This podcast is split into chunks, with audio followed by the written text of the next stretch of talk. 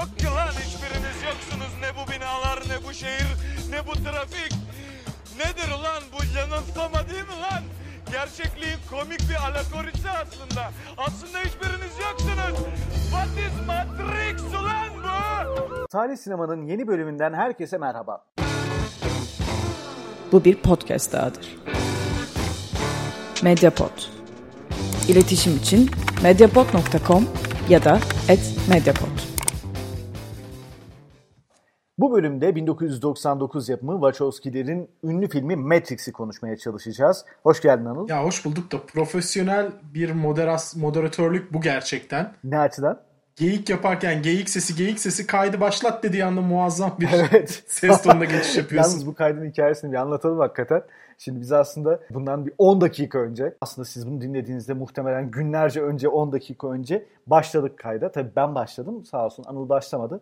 Biraz konuştuk böyle de, derdimizi tasamızı anlatırken ben, ben kayıt programını açmadım dedi ve orada kaldı bizim sohbet. Haliyle o kadar geyiğin ardından yeniden başlamaya çalıştık. Yayıncılığın içinde var bunlar ya olabilir. tabii tabii ki. Podcast kültüründe anılarımızda ileride konuşacağız bunu. Tabii canım. Hatta bütün bunları kaydedip e, tamamen silinecek bir gün kaybedeceğiz ve baştan program kaydetmek zorunda kalacağız. Hazırla kendini bunlara şimdiden. Ya bunları da yaşayacağız değil mi? Neyse geldik Matrix'e. 1999 yapımı ve hepimizin bir yerinden mutlaka temas ettiği, çoğumuzun belki de sinemada izlediği, e, film eleştirmenlerinin, sadece film eleştirmenlerinin değil belki de e, felsefe üzerine fikir yürütenlerin, sosyoloji çalışanların hepsinin bir yerinden mutlaka değdiği bir konu bence Matrix. Bu sistem eleştirisinden tutun işte ortaya ne çıkardığı üzerine pek çok yorum da var. Bunları da birazcık değerlendireceğiz ama e, yıllar sonra ben oturdum. Daha önce herhalde 6-7 kez izlemiştim. E, bu kayıt için bir kez daha baştan sona e, Matrix'i şöyle bir izledim ağzımın tadıyla. Keyfini çıkara çıkara ve e, kayda geldik. Anıl da herhalde oturdu ve o da yıllar sonra bakmıştır, izlemiştir. Nasıl buldun Anıl? Ne hissettirdi sana?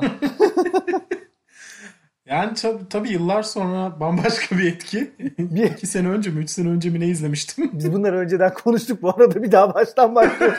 Siz de artık o şey yapmayın. Anıl o yüzden birazcık heyecan yapıyor bak. Ya, şöyle bak söyleyeyim bu arada. Galiba ilkokuldayken işte çıkmıştı, izlemiştim. Ama hiçbir şey hatırlamıyordum tabii. 2-3 sene önce ben şuna bir daha bakayım dedim.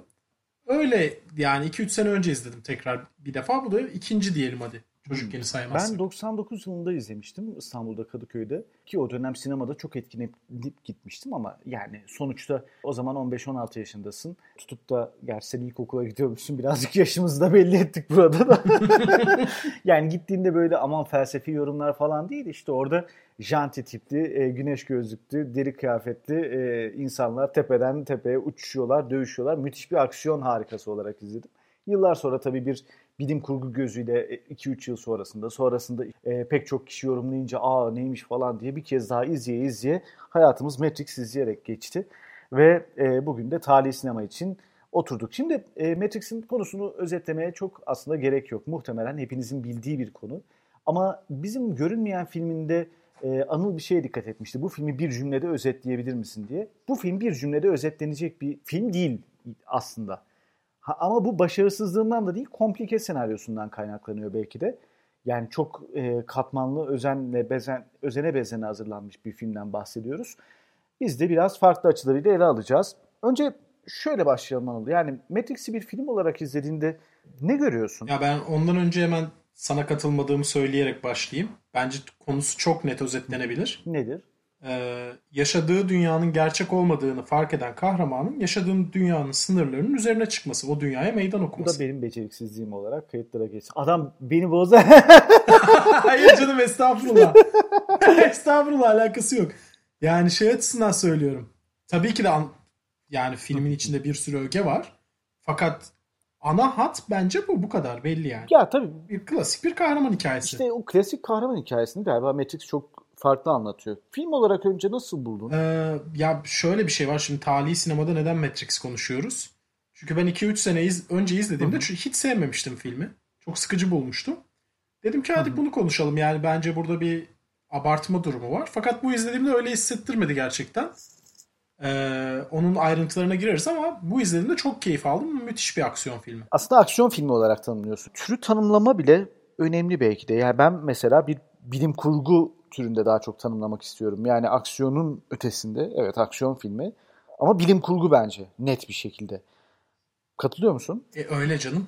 Yani şeyden demedim hani bu bilim kurgu filmi değildir diye demedim de bence esas mesele aksiyon filmi olması. İki yıl önceki hissiyatını ve o gün nasıl izlediğini elbette senin de hatırlamanı beklemiyorum. Çünkü e, insanın farklı dönemleri olur. Bakış açısında farklılık olur. O gün o filmi sevmezsin. Modun farklıdır veya bir anda bir şey görürsün. Bugün dünyan değişti, sen değiştin. Bambaşka bir şekilde başka bir gözle izledin ama yani o döneme dair elbette bir hatırlamayla değil ama bu abartı mıydı sence? Yani bugün baktığında güzel bir film olduğunu söylüyorsun. Yani mesela neyini sevmemiş olabilirsin? Ben etrafımda dönen e, işte yine aynı şeyi kullanacağım çok sevdiğim deyimi şeyh uçmaz mürit uçurur tarzı bir durum olduğunu düşünüyorum. E, Matrix'e yüklenen anlamların Matrix'i çok çok aştığını, Matrix'in orada olmadığını düşünüyorum. 2-3 sene önce izlediğimde bu filmi beğenmememin sebebi filmin de bunu yaptığını düşünmemdi. Filmin de kendisinde olmayan bir değeri varmış gibi gösteriyor olduğunu düşünmemdi. Fakat bu izleyişimde gayet böyle ikna oldum. Film kesinlikle ya pazarlama stratejilerini vesaireyi bir kenara bırakıyorum. Filmin içerisinde sadece ekranda gördüğümüz iki saatlik hikayede film kesinlikle buralara girmiyor. Film sadece aksiyon sahnelerini, iyi bir aksiyon filmi olma özelliğini doruk noktaya çıkarabilmek için bu felsefi olduğu düşünülen ifadeleri, o dünyayı kuruyor. Film buradan seyirciye felsefi sorular, derin sorular falan sorma niyetinde değil bence. Film sadece aksiyon sahneleri için işte ne denir? Rooted dediğimiz işte bizim kendimizi kahramanla özdeşleştirmemiz, hikayeye kendimizi adamamız ve bundan dolayı da sonunda hikayenin e, bize ne verilirse aslında yememiz gibi diyeyim. Bir noktaya gelebilmemiz için kullanılmış bir setup bütün bu Matrix hikayesi. Film bunu bence e, dediğim gibi seyirciye sorular soruyoruz. İnanılmaz bir gerçeklik üzerine yeni bir fikrimiz var ya da var olan bir fikri tekrardan inanılmaz bir şekilde ortaya koyuyoruz. Derdinde değil. Sadece çok iyi bir aksiyon filmini e, daha izlenebilir kılacak bir hale getiriyor hikayesi. Bence film o anlamda çok zeki, çok iyi yerde kullanmış. Ama hem filmin pazarlama stratejileri hem de dediğin gibi etrafında oluşan atmosferden kaynaklı Matrix'in felsefesi inanılmazdı. Burada acayip bir felsefe var. İnanılmaz sorular soruluyor noktasına gelindi. Benim sevmediğim o. İlk seferde de bunu sevmemiştim ama ilk seferde filmin de bunu yaptığını düşünmüştüm. Şu an anlıyorum ki film bunu yapmamış. Ama insanlar böyle algılıyor bu filmi. Benim sevmediğim noktası bu yani. Burada belki de biz ilk filmi konuşuyoruz. Ondan yola çıkarak değerlendirmekte fayda var. Matrix aslında ilk filmde biraz daha aksiyon dozu yüksek bir film. Ama ikinci ve üçüncü filmde belki de o senin kafandaki rahatsız olduğun algı var ya onu biraz daha sanki genişletiyor gibi. Yani bir değer üretmeye çalışıyor gibi. Yani biraz daha felsefenin ön plana çıktığı filmler 2 ve 3. Daha farklı bir öykü üzerine kuruluyor. Acaba o etkilerden dolayı mı bu tip yazılarla karşılaşmak rahatsız etti seni yoksa sadece ilk film üzerinden değerlendirmek yeterli mi buna? Ya ben ikinci ve üçüncü filmi izlemedim. Sadece insanların işte huzursuzluğu, rahatsızlığı, filmleri sevmemelerini falan gördüm. O da muhtemelen işte aynı şeyde. Film çünkü ya bu tek tek atımlık bir kurşun. Tek seferlik bir film. Hı hı. İkinci ve üçüncüyü yaptıklarında muhtemelen yeni challenge'lar koymak zorunda kaldıkları için kendi hikayelerine ihanet ettiklerini tahmin ediyorum. Öyle yani yazılanlar, çizilenler de o. Ee, ve insanlar muhtemelen o yüzden ikinci, üçüncü filmi çok sevmedi. Bir de dediğim gibi işte pazarlama stratejisi bir aksiyon filmi olmaklık değil de bir işte felsefi bir film olmaklık olduğu için ona ağırlık verilmiş olabilir. Bildiğim kadarıyla çünkü başta böyle ikinci ve üçüncü film yapmak, bir triloji oluşturmak gibi bir niyet yok. İlk filmin başarısının ardından verilen bir karar. E, o, o da zaten şeyi gösteriyor yani bugün işte sinemada test seyircisinin üzerinde işte ne kadarında güldüler, yeterince gülmedilerse filmi tekrardan komik sahnelerle çekelim diye bir hikaye var ya işte Marvel filmlerinin falan yaptığı. Öyle bir şey muhtemelen o ikinci ve üçüncü filmin çıkması. O yüzden bence hiç oralara girmemize bile gerek yok. Ee, direkt birinci filmde ne gördüğümüzü konuşalım. Tabii tabii birinci film üzerinden birazcık konuşacağız biz. Ama e, şunu da unutmamak lazım yani e, Wachowski'lerin sinemada iyi yaptıklarını düşündüğüm, daha doğrusu sinemada demeyeyim sadece. Yani yapımlarında iyi bir şekilde ele aldığı temel bir soru var. Bunu çok felsefi derinlikte falan ele almak istemiyorum. Ama temel bir veri üzerinden gidiyor. İnsanların çeşitli çıkmazlarının olduğu dönemler var. Yani Matrix dediğin gibi bir sistem tanımlıyor ve o sistemin içinde kendini var etmeye çalışan bireylerin öykülerine odaklanıyor. Örneğin Sense8'i izlersen Sense8'de de yani Matrix'in temel dinamiğinde şu var. Hayatımızda çok basit yerden gidelim. Kapitalizmde bir yerde çalışıyorsun, ediyorsun falan ve bu e, sende yarattığı rahatsızlıklar, günlük rutinin sıkıntıları, işte devletle ilişkilerin, hayatla ilişkilerin ve pek çok konuda bir sürü abuk subuk şey var ve bunları sana diyor ki bu zaten sanal bir şey, sanal bir gerçeklik ortaya koyuyor ve bunun üzerinden bir yoruma gidiyor. Bunu Sense8'de şöyle yapıyor. Diyor ki senin ruh halinde daha bireye iniyor. Ruh halinde bazı sorunlar var diyor. Mesela bir sabah kalkıyorsun çok mutlusun. Birden enerjin çok yüksek oluyor. Birden dayak yemiş gibi bayılıyorsun kalıyorsun. Senin 7 tane e, sensin var diyor. Karakter, insanlar dünyanın farklı yanlarında yani ruh ikizi derler ya onun gibi ve bu karakterlerin yaşadığı şeyler aslında seni etkiliyor. Bu da senin ruh halindeki değişiklikler. Aslında dünyada yaşadığımız ve o hissettiğimiz e, gerek çalışma yaşamı gerek içsel dünyamıza ilişkin başlıkları Wachowski'ler yapımlarında bu şekilde yorumlarla ortaya çıkararak bir anlatı yaratmaya çalışıyorlar. Matrix de biraz bunun eseri gibi. Olayın tabii felsefi boyutu falan çok ayrı. O ayrı bir tartışma konusu ki J.J.'in bile Matrix kitabı var. Yaptığı tonla konuşma var Matrix üstüne. Bu tip peki şimdi bunları tabii ki okumadan yorum yapacağız belki de. Ama bu tip felsefi açıdan neden bu kadar ilgi odağı oldu bu film? Ben sana sorayım çünkü ben zaten öyle bir felsefe olmadığını söylüyorum ama sen ona benzer bir şeyler söyledin mesela az önce. Sense8 üzerinden örnek verdin. Bu bahsettiğin şeyin Matrix'teki karşılığını söyler misin? Nerede var mesela insan işte kapitalist dünyanın içerisindeki hali vesaireler? Anlatıda anlatılmaya çalışılan şey o gibi. Yani Neo karakteri e, düzenin içerisinde bir hikayesi var, rutini var. Gün içinde Mr. Thomas Anderson olarak yaşıyor ve hayatını onunla sürdürüyor. Akşamları da bir hacker olarak Neo karakteriyle bir şey yapıyor. Beyaz yakalı olarak tanımlayabileceğin işine gidiyor. Gün her zaman aynı yerde yemek yiyor.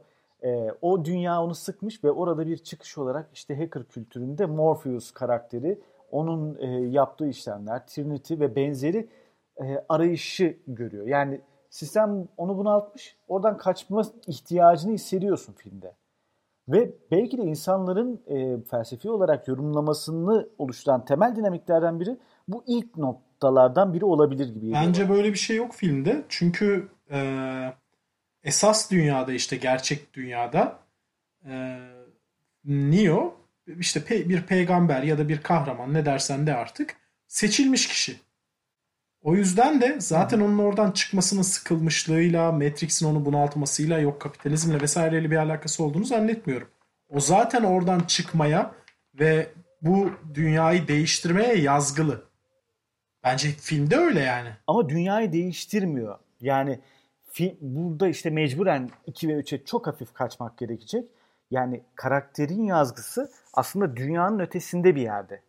Gerçek insanların olduğu bir e, yapıdan bahsediyoruz. Dünya olarak bizim şu anda yaşadığımız evreni Matrix olarak kabul ediyor film. Ve Neo'nun amacı oradan gerçek dünyaya mesela hepimizi şey olarak görüyor. E, artık insan tür olarak üreyemiyor doğru düzgün. Orijinal insan yok. Biz yapay zeka tarafından oluşturulmuş canlılarız. Ortalıkta dolaşıyoruz. E, senin bedenin ruhunu alıp onu gerçek dünyaya çekmeye çalışıyor. Yani gerçek evrene diyelim bizim yaşadığımız dünyadan çıkarma üzerine bir misyonu var. Ve orayı yaşatma üzerine kurulu. Yani aslında dünyayı kurtarmak da değil Hı-hı. tam misyonu. Biraz daha farklı bir şey. Dediğim gibi diğer filmleri bilmiyorum. Ama bu filmdeki misyonu diğer insanları kurtarmak. Ve film peygamberliğini ilan ettiği yerde bitiyor. Yani bu filmdeki işte mesela bu dünyadan sıkılmışlık falan olduğunu zannetmiyorum ben öyle bir motivasyon verdiklerini çünkü öyle bir tavrı yok. O bir hakikat hakikat arayışından geliyor. Yani etrafından sıkılmakla alakası yok onun. Yani hakikat arayışı aslında Neo'yu buna itiyor. Burada yaşadığı şeylerin hakikat olmadığı, bunun rutinin, düzenin yani e, sistemin içindeki o bezmişlik hali galiba o hakikati aratıyor ona. Ya da başka bir şey onu bilmiyorum. Bence onlar değil işte. Tamam orası mistik tarafı filmin. Neo seçilmiş olan seçilmiş olduğu için de seçilmiş olmaklığını yerine getirmekle mükellef.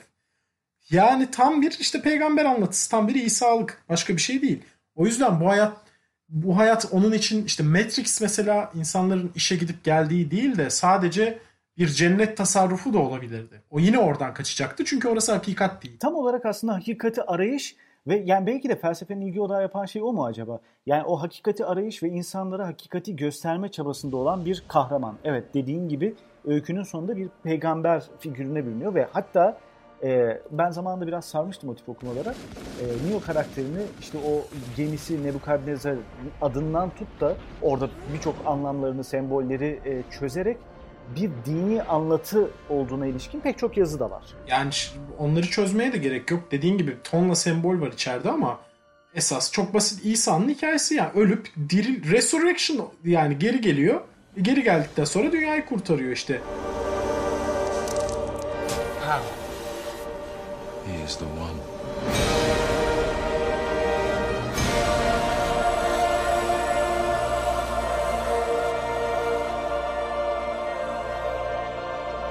Şöyle düşün. Mesela Matrix'in sıkıcı bir yer olduğunu söylüyorsun. Yaşadıkları gemi çok daha çirkin. Yani yedikleri yemek iğrenç. Hatta tam da işte üst üste koydukları sahne. Cypher mükemmel bir biftek yiyor. Bu biftek gerçek değil diyor. Öbür tarafta sadece protein veren lapa gibi çirkin bir şey yiyorlar. Hakikat için çile çekiyor. Tam İsa Mesih işte yani. Hakikat için çile çekiyor. Ölüyor. Geri geliyor. Ve işte orada dünyaya misyonunu tamamlamış oluyor. Dünyaya hakikati gösterecek vesaire. O telefon konuşmasını yapıyor en sonunda zaten. Sinemada bu tip anlatılar var. Yok değil. Mesela bundan bir yıl önce Truman Show var. Orada da bir sanal evren gibi bir şey var. Bunun farkı biraz daha sanal gerçekliğin içine giriyor olması.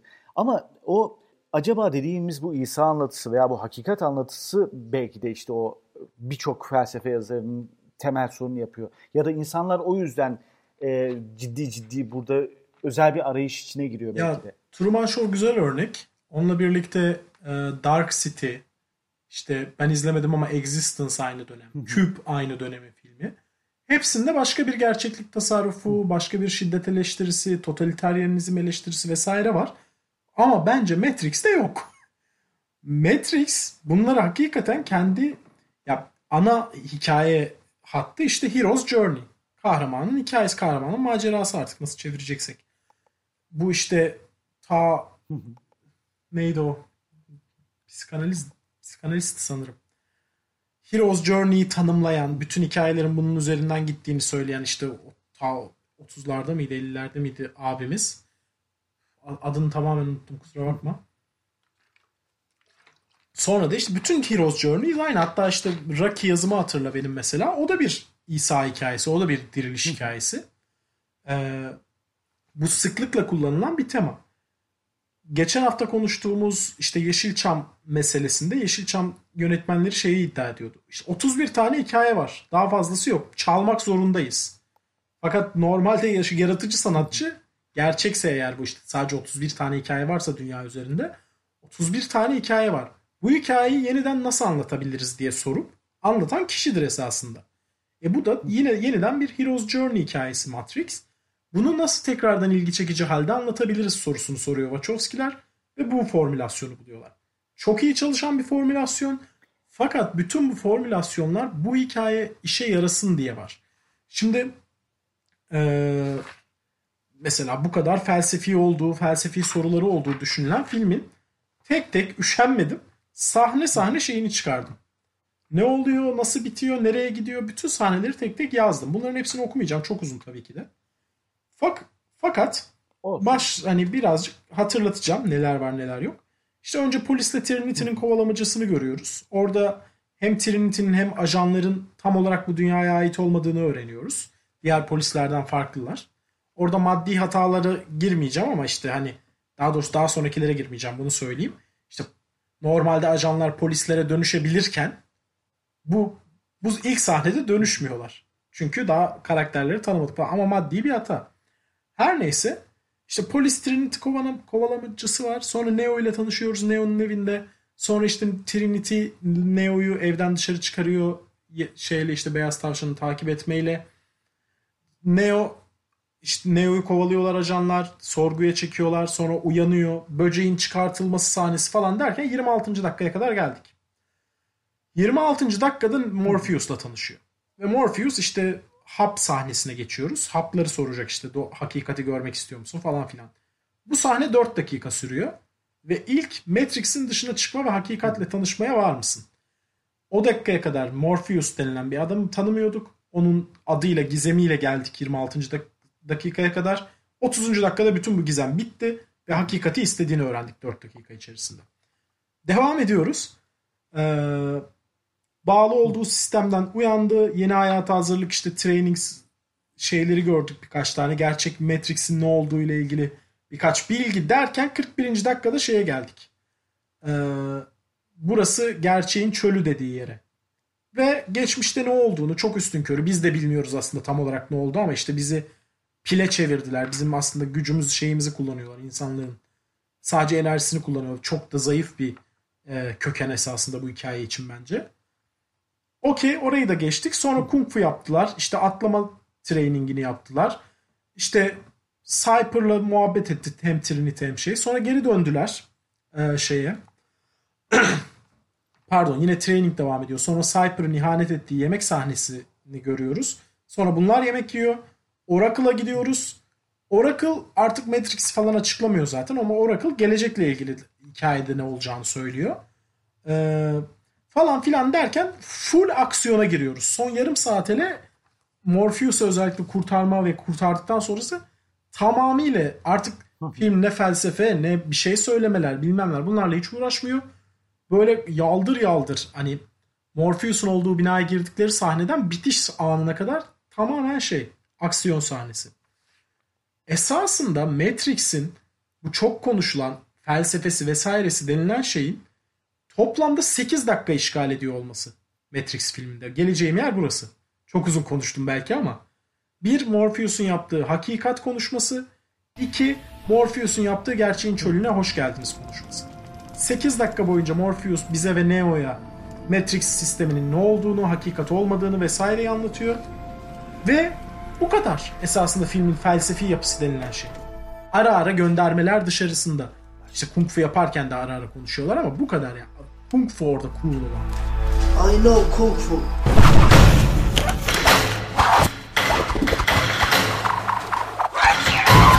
Film çok cool bir film.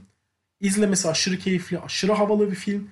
Ama bu cool'luğu tesis etmek üzerine kurulu ve esasında hatta bu gerçeklik üzerine konuşmalar vesaireler düşündüğü zaman hani filmde değil, filmin dışında yapılanlar. Filmde esasında bunların hiçbirinin olmadığını görüyorsun çünkü filmde gerçek denilen yerin neresi olduğu çok belli. Gerçeklik dışındaki yerin neresi olduğu çok belli. Sadece spesifik anlatımı var. Matrix nasıl işler, nasıl onu aşabilirsinle ilgili spesifik anlatımlar var ama film gerçekliğin ne olduğunu falan sorgulamıyor. Film filmde gerçekliğin ve gerçek olmayanın ne olduğu çok açık. Belki de aslında şimdi filmin yapılış yılına baktığında 1999 yılından bahsediyoruz ki o dönem e, birkaç filmden sen de örnek verdin. Aslında dünya çok ciddi bir ekonomik bunalımın içinde ve e, gerçekten birçok kurumsal yapının sorgulandığı, Amerika'da birçok yapının da çökmeye başladığı bir sürecin başlangıcındayız. 1999'dayız. Dünyanın dengesinin değiştiği bir dönemde böyle bir arayış belki de yani böyle bir arayıştan kastım o hakikat arayışı belki de döneme çok uygun gitmesi nedeniyle insanlarda daha ilgi çekici bir noktaya geldi. Birçok felsefe yazısı var. Şimdi diyorsun ya 8 dakika. Güzel bir ölçü, güzel bir veriden bahsediyorsun. Belki de ikinci ve üçüncü filmi yorumlamak daha iyi olur ama dediğin gibi biz ilk filmi konuşuyoruz. Şimdi sana bir yazıdan bir anekdotu aktaracağım. Türkiye'de yazılmış bir yazı ve yazıyı eleştirmek için söylemiyorum. Yazının derinliklerini okumadım ama e, bu filmleri izleyerek yani insanların aslında yaptığı çıkarımları örneklemek adına bunu okuyorum. Bu bir e, spekülasyon yaratabilir ama bu benim görüşüm diyor kişi zaten başlangıçta. Kahinin, Oracle'ın Sokrates'i temsil edişine işaret ediyor mesela yazısında. Tamam mı? Giriş kısmında bir özetlemiş bunu. İkinci filmde mimar geliyor. Onu geçiyorum o kısmını. Bunun dışında yine Neo'yu Platon'u temsil ediyor olarak gösteriyor. E, Morpheus'u Nietzsche temsiline uygun görüyor. Yani e, anlatabiliyor muyum? Aslında insanların bu kadar farklı okumaları da mevcut bu filmde. Yani nereden bu algıya vardı? Onu dediğin gibi yazının detayında görürsün istiyorsan. Ama e, J.J.'in da, e, dahi üstüne çok uzun konuşmalar yaptığı bir filmden bahsediyoruz. Ya bu 8 dakikadaki alameti farikası başka bir şey mi acaba? Ya da illa iki üçü de izlemek mi lazım? Ama bu ilk filmin ardından tonla kitap yazıldı. Yani bak ben mesela bu yayın için aradığımda mesela Matrix ve Felsefe diye bir film var. Yani kitap var. William Irwin'in yazdığı bir kitaptan bahsediyoruz. Matrix'ten Çıkış diye bir kitap var. Ayten Çalış yazmış mesela. Çok fazla eser var ortada. Ve 8 dakikadan bahsediyorsun. Burada seni çürütmek için söylemiyorum bunu ama net oturayım ben de saysam 8 dakikadır o felsefi konuşma eminim. Ama mesela nasıl böyle bir şeye döndü? Öncelikle J.J.'in mesela bahset J.J.'in yaz şeyi var işte bununla ilgili makalesi var dediğin gibi. Makale şöyle başlıyor. Slovenya'da küçük bir sinema salonunda izledim ben bu filmi.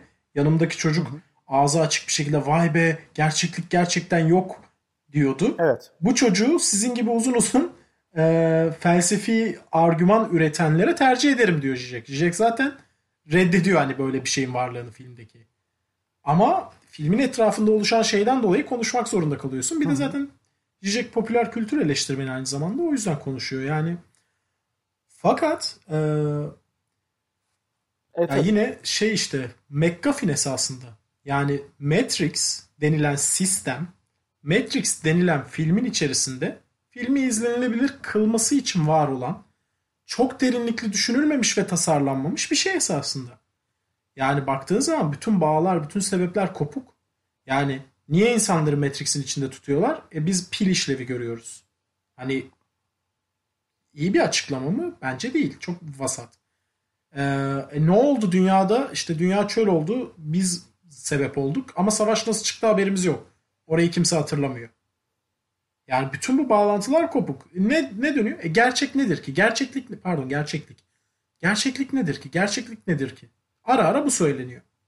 Ve işte Matrix'in kafamızın içinde olduğu o yüzden onun aşılabileceği söyleniyor. Hı. Filmin sonunda da ne bunu aşıyor. Zaten yani e, söylenen şey oluyor. Filmde nerede bu felsefe? Mesela işte Platon bahsettiğin de bence yine hiç de karşılamıyor ne olduğunu. Ee, işte Platon'un mağarasındaki zincirli adammış da Matrix yok efendim Descartes'a göndermeymiş falan filan.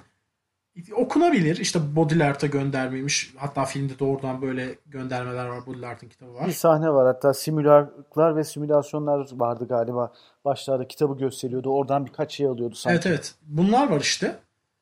Ee, e yani bunlar mesela ne filmin film soru soruyorsa eğer, soru sormakla mükellefse felsefi boyutu, bu sorular nelerdir? Film eğer bir cevap veriyorsa bu cevaplar nelerdir? Ben, ben bunları merak ediyorum mesela. Ben az önce söylediğim gibi mesela gerçeklik var mıdır diye bir sorusu yok filmin. Çünkü film ger hakikatin ne olduğunu ve gerçekliğin ne olduğunu çok güzel ayırıyor birbirinden. Cevabı var yani filmin. Aklıma başka bir şey geldi de yani gerçekten biraz ikinci ve üçüncü filmle birlikte okumak gerekirdi. Belki de belli noktaları ama e, bu haliyle dediklerin çok doğru. E, bu da yani Matrix'i sanırım yani döneminin o aşırı popüler kültürün malzemesi olması. Yani Türk sinemasında bile 2000'li yıllarda aklıma böyle ilk bakışta iki film geliyor Mat Matrix'ten alıntı yapan. Çok daha fazla da olabilir. Bütün sinemalara, bütün dünyadaki şeylere bir akım yaratma ve müthiş bir popüler kültür unsuru doğurdu. Bu da galiba içindeki metinleri insanlara daha bir okuma zorunluluğu getirdi, arzusu. Yani e, örneğin Star Wars'u da felsefi olarak yorumlayan var. evet çok derinlikli. İyiler var, kötüler var. Evet. E, yani... çok derindir Star Wars. Veya Marvel evreninden felsefi yorumlama yapmaya kalkan var. Abi yani işte yani. De, Matt Zizek dedin. İşte Zizek Starbucks kahvesini de yorumluyor. Coca-Cola'nın reklamlarını da yorumluyor. Bunların hepsi tabii ki de yorumlanabilir şeyler. Yorumlanamaz demiyorum. Ama filmin kendisinin bir e, felsefi tavrı olduğu fel, ya da felsefi sorular doğuran bir film olduğu tamamen balon bence. Eğer bir soru çıkartılabilecekse bu soru işte genellikle konuşulan da odur. Gerçeklik var mıdır? Gerçekliği nasıl bilebilirizdir? Bence film bu soruyu sormadığı gibi çünkü mesela Descartes'la farkı şu. Descartes Descartes diyorlar. Descartes'te gerçeklik şöyle ifade edilir. Descartes der ki ister uyuyor olayım, ister bir yalanın içerisinde olayım, ister bir cin tarafından kandırılıyor olayım devamlı. Benim gerçekliğimin sınırları bunlardır ve bunların içerisinde kalmak, bunları benim sınırlarım olarak kabul etmek zorundayım diyor. Kendine dayanan ve kendi sınırlarını kabul eden bir felsefesi var. Modern felsefenin başı bu. Film tam tersi hakikatin ne olduğunu da gerçekliğin yani hakikat olmayan şeyin ne olduğunu da gayet nesnelleştirerek ayrıştırıyor. Filmin çok net cevapları var bu anlamda bence. Şimdi tabii e, bununla ilgili çok Filmin pardon şunu ekleyeyim. Filmin bu soruları seyirciye sorduğu iddiası olabilir. Yani gerçeklik var mıdır? Bak gerçek Neo'da gerçeklik var diye zannediyordu. Bu yok. İşte Neo'yu buradan uyandırdık bak. E, Okey. Peki bu gerçekliği sorgulamanın yolları nedir? Bizim filmimizin cevabı kırmızı hap içmek. E şimdi bu bir felsefi sorgulama mı oldu mesela? Ekranın arkasındaki insanı sorgulatacaksan burada bir şey olması gerekir. O filmdeki çözüm kırmızı hap, mavi hap. Mesela bu da komik esasında yani. yani kırmızı hapın yoksa sorgulayamıyorsun aslında filmin anlatısına göre. Böyle bir yargıya mı? Film ne cevap veriyor ne soru soruyor orada artık. Çünkü sen olsun. Kırmızı mı mavi mi? Ne kırmızı mı mavi mi? Bırak numarayı. Matrix değil mi bu? Ne Matrix'i lan?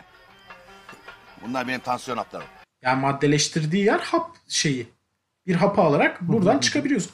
Filmin kendi evreninde mantıklı fakat şunu söylemeye çalışıyor hani ekran karşısındaki bizlere bir soru yöneltmediği için böyle bir derdi de yok ve burada işte hapla çözebiliyor olayı. Geldiği noktayı bak katılıyorum sana bu noktada. Ama geldiği noktayı biraz aslında şey zaten bizi felsefi derinliği falan ilgilendirmiyor. Neden bu kadar felsefi tartışılıyor boyutunu birazcık bu kayıtta ele almaya çalışıyoruz. Şimdi mesela bir yandan e, sen konuşurken internette neler yazılmış ona bakıyorum ve aşağı yukarı dünyadaki bütün soruların cevabının bulunduğu bir yere geldim. Donanım Haber Forum'dayım. Me- memurlar.net'le birlikte. Orada kızlar soruyor.com'u unutuyorsun. Benim favorim bu Doğru. konuda her zaman adı. Mükemmel üçlü.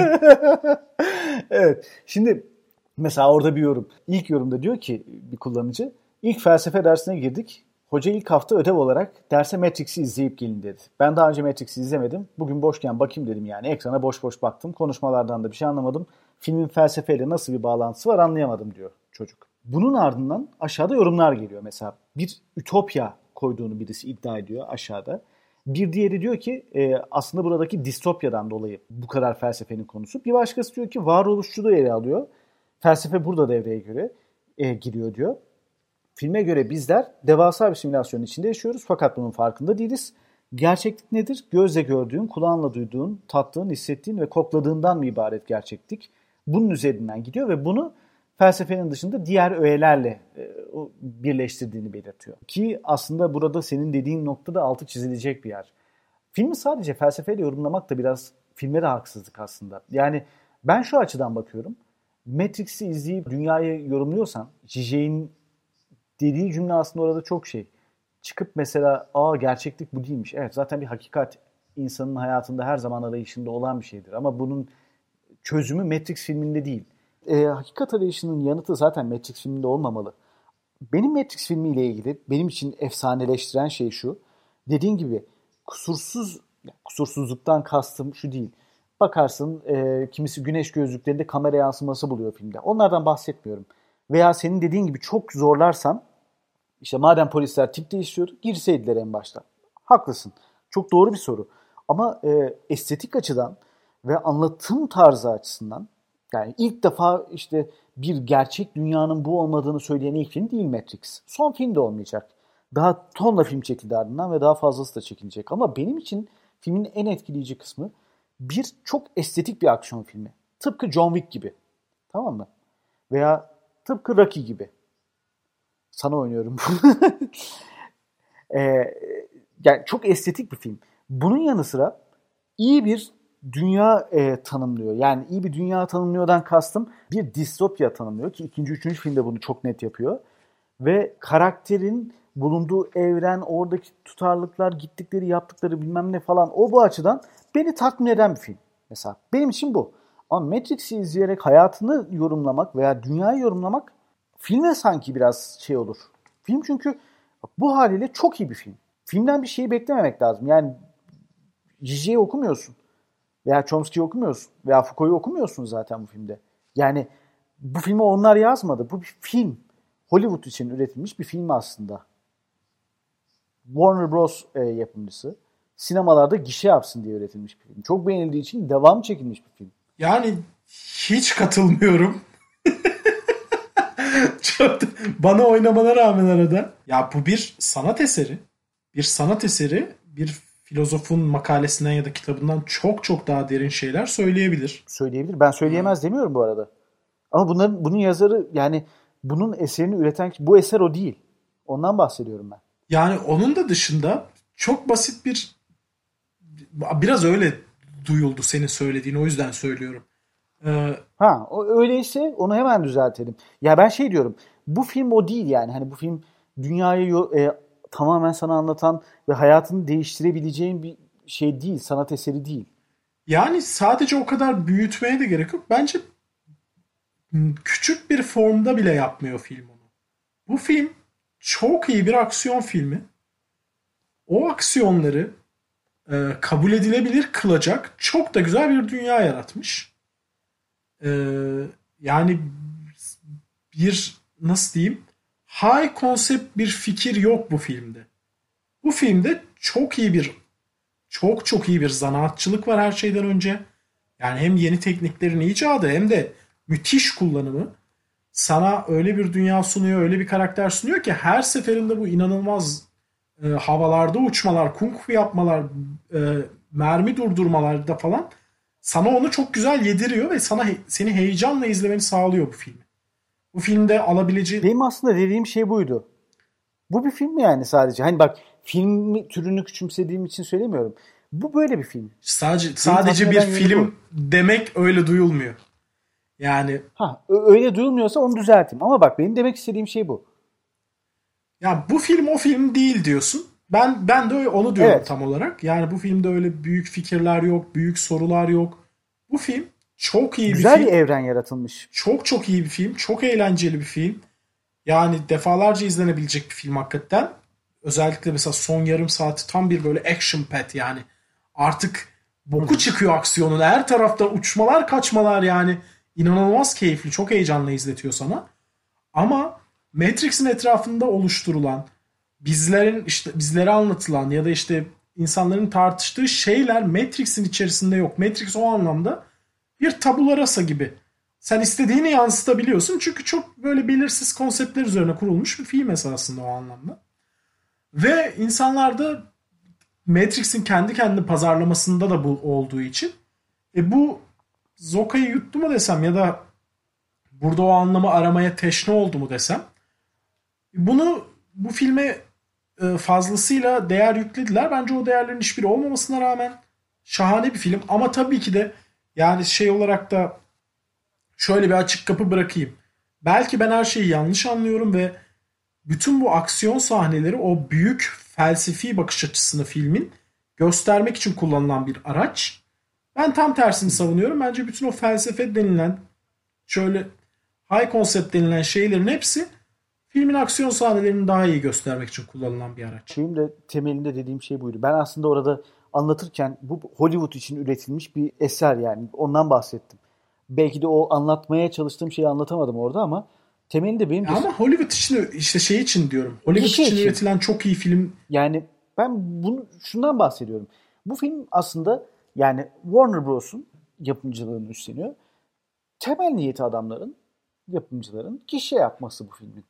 Para kazandırması. Yani e, bu film o film değil diyorum aslında ben özünde. Yani İşte bence şu anlamda yanlış bir yerden veriyorsun örneği. Ee, işte Da Vinci'nin eseri kilise tarafından parası verilmiş. Kilisede güzel dursun diye yapılmış bir şey aynı zamanda. Fakat bir sanat eseri. Ya da işte Kubrick'ler, Hitchcock'lar bunların hepsi büyük stüdyolarla çalışan insanlar. evet. İşte çok büyük sanat eseri dediğimiz edebiyat kitaplarının çoğu aynı zamanda çok satan kitaplar.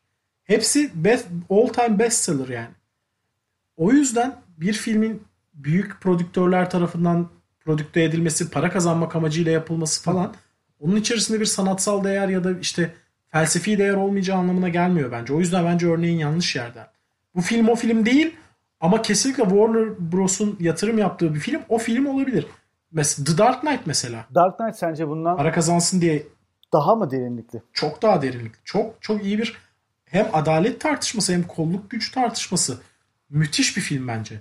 Bütün bunların hepsi var. Çok da büyük prodüksiyon. Yani ben beklenti konusunda e, birazcık galiba yani cümleyi kurarken belki de yanlış yerden kurdum. Ondan dolayı öyle algılanmış olabilir. Zaten şeyi iddia etmiyorum. Tutup da Hollywood'da yapılan her şey çöptür veya bir sanat eseri değildir e, anlayışında değilim. E, ama yani filmin gerek çıktığı dönem gerekse çıkış şekli yani ben dediğim gibi bunun böyle olağanüstü bir felsefi malzeme olarak yorumlanması konusunda sana katılıyorum. Ama film olarak yani dört dörtlük bir film olduğu kanaatindeyim. Yarattığı evren bilmem ne falan. Orada aynıyız seninle zaten. Ama ben zaten şunu söylüyorum. Matrix'in yola çıkarken dünyayı değiştirme gibi bir misyonu yoktu bu filmin. Yani Dark Knight'ın da yok bence. Ve ortaya çıkan şey Yani dünyayı değiştirmek iddialı ama şöyle bir e, pardon böldüm özür dilerim. ortaya çıkan şey dünyayı değiştirecek şey değil. Çok iyi bir sanat eseri. Ama her sanat eseri dünyayı değiştirir mi? Ya hiçbiri değiştirmiyor ki. Ayrıca felsefi dediğin şeyler de dünyayı ne kadar değiştirdiği soru işareti. Yani Ya tabii ki zaten çok ayrı şeyleri söylemiyoruz. İfade ediş şeklimizde belki temel bir farklılık var. Ama e, aslında benzer şeyi düşünüyoruz bu konuda. Öyle diyeyim. Belki ifade biçimimden dolayı öyle anlaşılmış olabilir. Öyleyse onu düzeltin. Yok ya ben farklı düşünebiliriz yani. Bence bu konuda farklı düşünüyoruz çünkü. Yani Yok ben aynı bilmiyorum Descartes modern felsefenin babası ama dünyada çok şey değiştirdi mi soru işareti bence. Mesela aydınlanma felsefesi başlı başına yani işte bir başarısızlıktır vesairedir bütün bu şeylerin yanı sıra öyle tartışmaların yanı sıra hakikaten dünyada çok büyük şeyler değiştirdi mi soru işareti. Yani dünyadaki pek çok şeyle aynı anda değiştiği doğru. Dünyada işte modernite ortaya çıktı. Ee, işte devletler sekülerleşti aynı zamanda. Aydınlanma da bütün bu değişimlerin bir aydınlanma felsefesi de bütün bu değişimlerin bir parçasıydı. Onlarla birlikte değişti. Ama dünyayı değiştirdi mi çok büyük bir soru işareti. Aynı şekilde felsefe, sinema, müzik, sanat dalları bunlar dünyayı değiştirmeyebilirler ve fakat ya senin söylediğin anladığım kadarıyla şu. Bu filmde o anlattığınız büyük büyük değerler yok. Ama anlattığın yerde den katılmıyorum sana. Olabilirdi. Aynen bu şekilde prodükte prodüksiyonu yapılmış bir filmin aynen para kazansın, milyonlarca satsın diye yapılmış bir film gerçekten çok yüksek felsefi değere sahip olabilirdi. Ki öyle örnekler var. Fakat bu film şeyle aynı yere düşüyor bence şu anlamda. The Ring'le. Halkayla aynı yere düşüyor. Pazarlama harikası. İnanılmaz bir pazarlama. Halka da öyleydi hatırlar mısın? Yani DVD'si 2 milyon mu ne satmıştı sadece Amerika'da. Çünkü işte DVD'nin ekstrasında şey vardı. İşte o kızın filmde izlediği Videonun videonun orijinali. orijinali falan vardı. Ve inanılmaz işte sinemada çıktığında herkesin gittiği filmler arasında yani bir anlamda. O hala işte mesela Oscar'ların da çok büyük filmlere bugün artık öyle değil. Oscar'lar o zamanlar çok büyük prodüksiyonlu çok gişede de iş yapmış filmlere veriliyordu. O anlamda birkaç doğru şeyin bir araya gelmesiyle Matrix mükemmel bir pazarlama harikası haline dönüştü. Sinema dilinde bir devrim miydi? O da vardı. Evet. Fakat etrafında oluşan fazla bir hype var. Bence hype oluştu. O bu filmin kendi içerisinde yok bence. Çünkü mesela film o bütün felsefi denilen kendi yarattığı evrenle çok da ilişkiye girmeden son yarım saatini tamamlıyor. Full aksiyonla tamamlıyor. Eğer filmin söyleyecek bize bir şey olsa İşte bu, bunun için aslında belki de şey vardı. Wachowski'lerin burada e, ikinci ve üçüncü filmi hazır. bence değildi. Yani metinleri hazırdı en azından. Eğer öyleyse bile bu bir Bilmiyorum. dizi değil. Bize yine de bu filmin sonunu bir şekilde kapatman gerekiyor. Mesela Truman Show tam da o bütün sorularla işte izleyicilerin olduğu toplum, tüketim toplumu vesaire işte ge- gerçeklik sorularıyla bitiyor mesela.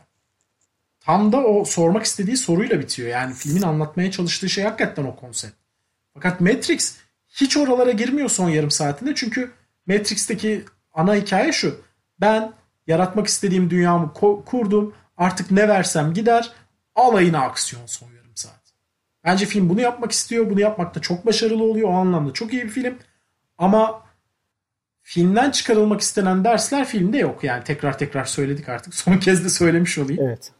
Peki e, sana bir soru sorayım filmle ilgili. Şimdi kahine gittiğinde Neo'ya e, bir öngörüde bulunuyor kahin. E, bunun dışında Morpheus'a bir öngörüde bulunduğunu görüyoruz. Cypher'a bir öngörüde bulundu. İki soru soracağım aslında. Önce Cypher bağlamında ele alalım. Cypher da zamanında gitti oraya. Şimdi kahinin içimizden biri olduğunu söylüyor Morpheus. Değil mi? Diyor ki bizim en başından beri bizimle birlikteydi. Yani bu arayışta, bu hakikat arayışında Zion'un e, bulunmaması sürecinde bir gerçekliği koruma bağlamında e, bu kahin karakterinin büyük önemi var. Değil mi? Biz bunu anlıyoruz filmden. Şimdi mesela Cypher'a söylediği şey aslında bu şeyi görmedi mi? Kahin ihanet edeceğini falan mesela. Ama kahinin söylediği şeyler hep şey e, olacak şeyleri değil de olacak şeyleri etkilemek için söylediğini görüyoruz kahinin. Yani daha ilk sahnede işte vazo önemli değil diyor. Sırf bunu dedi diye işte Neo dönüyor ve vazoyu kırıyor. Şimdi sonra da kahin soruyor. Sence vazoya dikkat et demese, ya Evet. vazo önemli değil demeseydim düşürür müydün diyor. Daha sonra ileride yine Morpheus işte kahin bana seçilmiş kişi değilim dedi diyor Neo. Morpheus diyor ki kahin duyman gereken şeyi söyledi. Şimdi kahin aslında ge- geleceği söyleyen değil yönlendiren bir insan insanları. O anlamda anladığım kadarıyla. Yani işte orada Cypher çelişki mi değil mi? Ona emin olamadım. Ya bilmiyorum biraz ayrıksı mesela yemek yedikleri sahne de ayrıksı duruyor Cypher'la ilgili. Evet. Peki başka bir soru daha sana. Bu aslında filme ilişkin bir soru. Belki de daha farklı yorumlamalı. Trinity'ye kahin seçilmiş kişiye aşık olacağını söylüyor. Trinity sence Neo'ya neden aşık oldu? Bence çok güzel bir yere parmak bastın. Kahinle Trinity arasındaki ilişkiden değil de tam da buradan bahsetmek istiyordum unutmuştum. Filmle ilgili bu son yarım saatte artık filmin kendi gerçeklik evreninde terk ettiği, orayla ilgili yeni bir söz söylemediği ve full aksiyon yaptığını söylemiştim ya. Bir şeyi atladım. Trinity'nin Neo'ya olan aşkı. Tam da o noktada ikinci bir dokunuş gerektiği için filmin içerisinde hiçbir yer kaplamayan, hiçbir işlevi olmayan eee, bu aşk sahnesini koyuyorlar. Ve o kadar boş ve çalışmayan bir formülasyon ki esasında. Normalde birçok filmde çalışır. Yani bir aşk geri diriltir. Ama bu aşkın Neo'da hiçbir etkisi yok. Trinity'yi hikaye boyunca sürüklemiyor. Tam son anda bu arada ben de sana zaten baştan beri aşıktım diyor. Öpüyor ve e, Neo öyle uyanıyor. Böyle tersten bir Pamuk Prenses hikayesi gibi. Birazcık film dışı referanslara çok aşıklar bence yönetmenler. Film çok da güzel çalışıyor pek çok yerde. İşte Neo'yu arabayla aldıkları sahne böyle bir film noir havasında işte anime etkileri Evet. vesaireler genelde film dışı referansları çok güzel çalışıyor. Çok güzel duruyor. Ama bence bu Pamuk Prenses hikayesi filmin en kete böyle yeri yani. Hiç çalışmamış. Hiç çok kötü olmuş. Şimdi e, şundan dolayı sor, evet şundan dolayı sordum ben de. Şimdi Trinity karakteri anladığımız kadarıyla gerçekten Neo'nun en başındaki arayışında o şeylerine baktığımızda görmüş geçirmiş bir insan diyeyim. Yani e, birçok böyle hack skandalına karışmış, birçok olay olmuş, birçok şey yaşamış. Hakikati belki de Neo'dan 20 adım ötesinde e, arayışında. Ve e, tutup mesela hiçbir şey yaşamadığı yani konuştukları şey e, şey gibi olmuyor mu biraz sanki Trinity'nin aşkı kaslı ve çok güzel silah kullanan uçan adama aşık oldum ben falan aşık olması gibi biraz. Yani Morpheus'u kurtarıyor bak e, gördün nasıl da girdi kahraman erkeğim gibi bir aşk değil mi? Yani feminist okuma işte filmin feminist okumasını da böyle yapıyorlar. Ya, Bence de haklı. Çok güçlü bir karakter. Muazzam uçan kaçan bir karakterken Trinity bir anda sidekick'e çekiliyor. Çünkü ana karakterimiz Neo. E, ana karakterin yanında bir kadın ancak ona aşık olarak var olabilir. Ve bu şeye gidiyor. Hakikaten kötü bir yere gidiyor orada. Fakat çok daha güçlü bir karakter olabilirdi. Bana çok boş geldi ya. O aşk hikayesinin hiç mi hiç gereği yoktu yani. Evet ama yani bu hikayenin devamı için de gerekli. Yani bir de aşk işte. Aşk satıyor hocam. Yani işte bence burada satmamış. Ellerinde aşk hikayesine hiç de gerek olmayacak bir hikaye var. Ama işte bu filmden sonra bak Ya bak konuşulurken... birçok şeyi o kadar iyi yapıyor Evet bak, ki. ama bu film konuşulurken şimdi mesela Yüzüklerin Efendisi serisinden aşka dair bir şey hatırlıyor musun? Vardı ilişkileri orada da vardı. Arwen'de Aragorn'un aşkı vardı falan filan ama yani aşkı ha- hatırlamıyorsun. Filmden destansı bir şey e, kalıyor akılda. Veya Harry Potter'da aşk öyküleri bilmem ne ikinci planda kalıyor. Hangi film evreni yorumlarsan e, bu büyük galaksilerden bahsediyorum. E, Star Wars'ta biraz daha aşkın baskın olduğunu söyleyebilirim. Ama Matrix'i konuşan insanlar Neo ile e, Trinity'nin aşkında mutlaka konuşur. Büyük aşktır söylemde. Ya aşk, aşk hikayeleri zaten ana plana çıkmaz. O bir geçicidir. İşte köprü işlevi görür. Ana karakterimizin işte gücünün bittiği yerde güç depolatır, bir motivasyon kaynağı olarak var olur vesaire vesaire. Zaten böyle var olur. Fakat bu filmde hiç gerek yokmuş. Yani Olmasa da olur. zaten Neo Neo ya zaten sen İsa'sın ya. Sen zaten geri geleceksin anladın mı? Onun öpücüğüne ihtiyacın yok. Sen öleceksin. Öldüğünde esasında ölmeyecek. Geri döneceksin. Ve bu dünyanın sınırlarını, Matrix'in sınırlarını öyle aşacaksın zaten. O senin için bir aydınlanma anı. Ne gerek var Trinity'nin öpücüğüne? Evet. Ya da bütün hikaye boyunca aşkına. Bence orası çok çok zorlama. Yani şey diyebiliriz. Yönetmenler bir hikayede bir yerinde bir, bir şekilde sıçtıklarında şey derler ya. Abi yapımcı zorladı. yani ya da işte ben çok dahi ya böyle bir hikaye vardır ya yönetmenler çok dahi insanlardır. Yapımcılar onları anlamazlar. Sürekli engel çıkarırlar. Ama yönetmen yapınca o iş tutar falan. Tamamen tıraş bir hikayedir genel olarak ya da çok çok az gerçek olan bir hikayedir. Burada da suçu yapımcıya atalım. Diyelim ki bunlar hiç yazmadı öyle bir hikaye. Yapımcı dedi ki aşk lazım buraya falan. Öyle belki de tutturdular diyelim. Öyle e, şey yapalım diyorsun. Peki. Matrix'le ilgili var mı başka not önünde? Yok başka bir şey. Ya vardı, vardı gerek yok. Bence konuştuk konuşmamız gereken bölümü. Baş karikatürünü yaptım. E, çok güzel olmuş. Seyirciye de göster. Karikatür mü yapmış? Göster. Ya biraz sakinleşelim Ben abi. sakinim abi sen deliriyorsun arada bir ben ne yapayım? Ben de delireyim lan. Ya. Sen adamı delirtiyorsun oğlum. Neyse ne oldu reklam arası mı var? Reklam arası yok artık bitiriyoruz da. Bitirelim öyle yapalım. Hadi. Bitirelim o zaman. Bitirelim hadi. Peki şimdi günün sonunda puanlamamız lazım değil mi? IMDb'de kaç puan veriyorsun? Moderasyonumu nasıl beğendiniz? Nasıl buldunuz? 8 diyorum. 8 diyorsun. Ben 9 diyorum ya. 9 da olur yani lafım yok. Bence film birkaç şeyi az önce konuştuğumuz gibi kendi eksikleri var ama inanılmaz iyi bir aksiyon filmi. Ben aksiyon filmini de çok severim. Daha doğrusu benim sevmediğim tür neredeyse yoktur ama iyi, iyi filmi severim yani. E bu filmde bana acayip keyif aldım. Evet evet ben de 9 verdim. Ve böylece Matrix'i de noktaladık.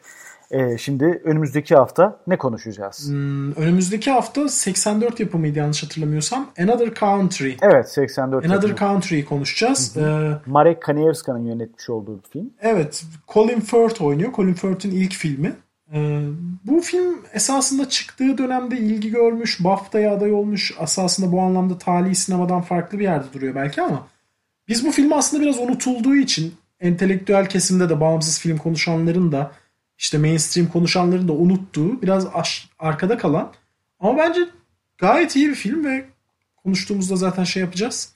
Ya bu film birazcık unutulduğu için günümüzde tekrardan hatırlatmak amacıyla tali sinemanın bir işlevi de bu olduğu için bu filmi konuşacağız. Evet tarihi sinemanın misyonuna da uygun. Böylece bu bölümü de noktalıyoruz. Tarihi sinemayı Medyapod'un bütün ağlarından, Spotify'dan ve birçok evrenden dinleyebilirsiniz. Ee, üye olun, takip edin, bize destek olun, paylaşın. Hep birlikte tarihi sinemayı büyütelim. E, Medyapod'un üstüne çıkalım, sonra işgal edelim falan gibi şeylere girelim. Hakikati bulalım orada.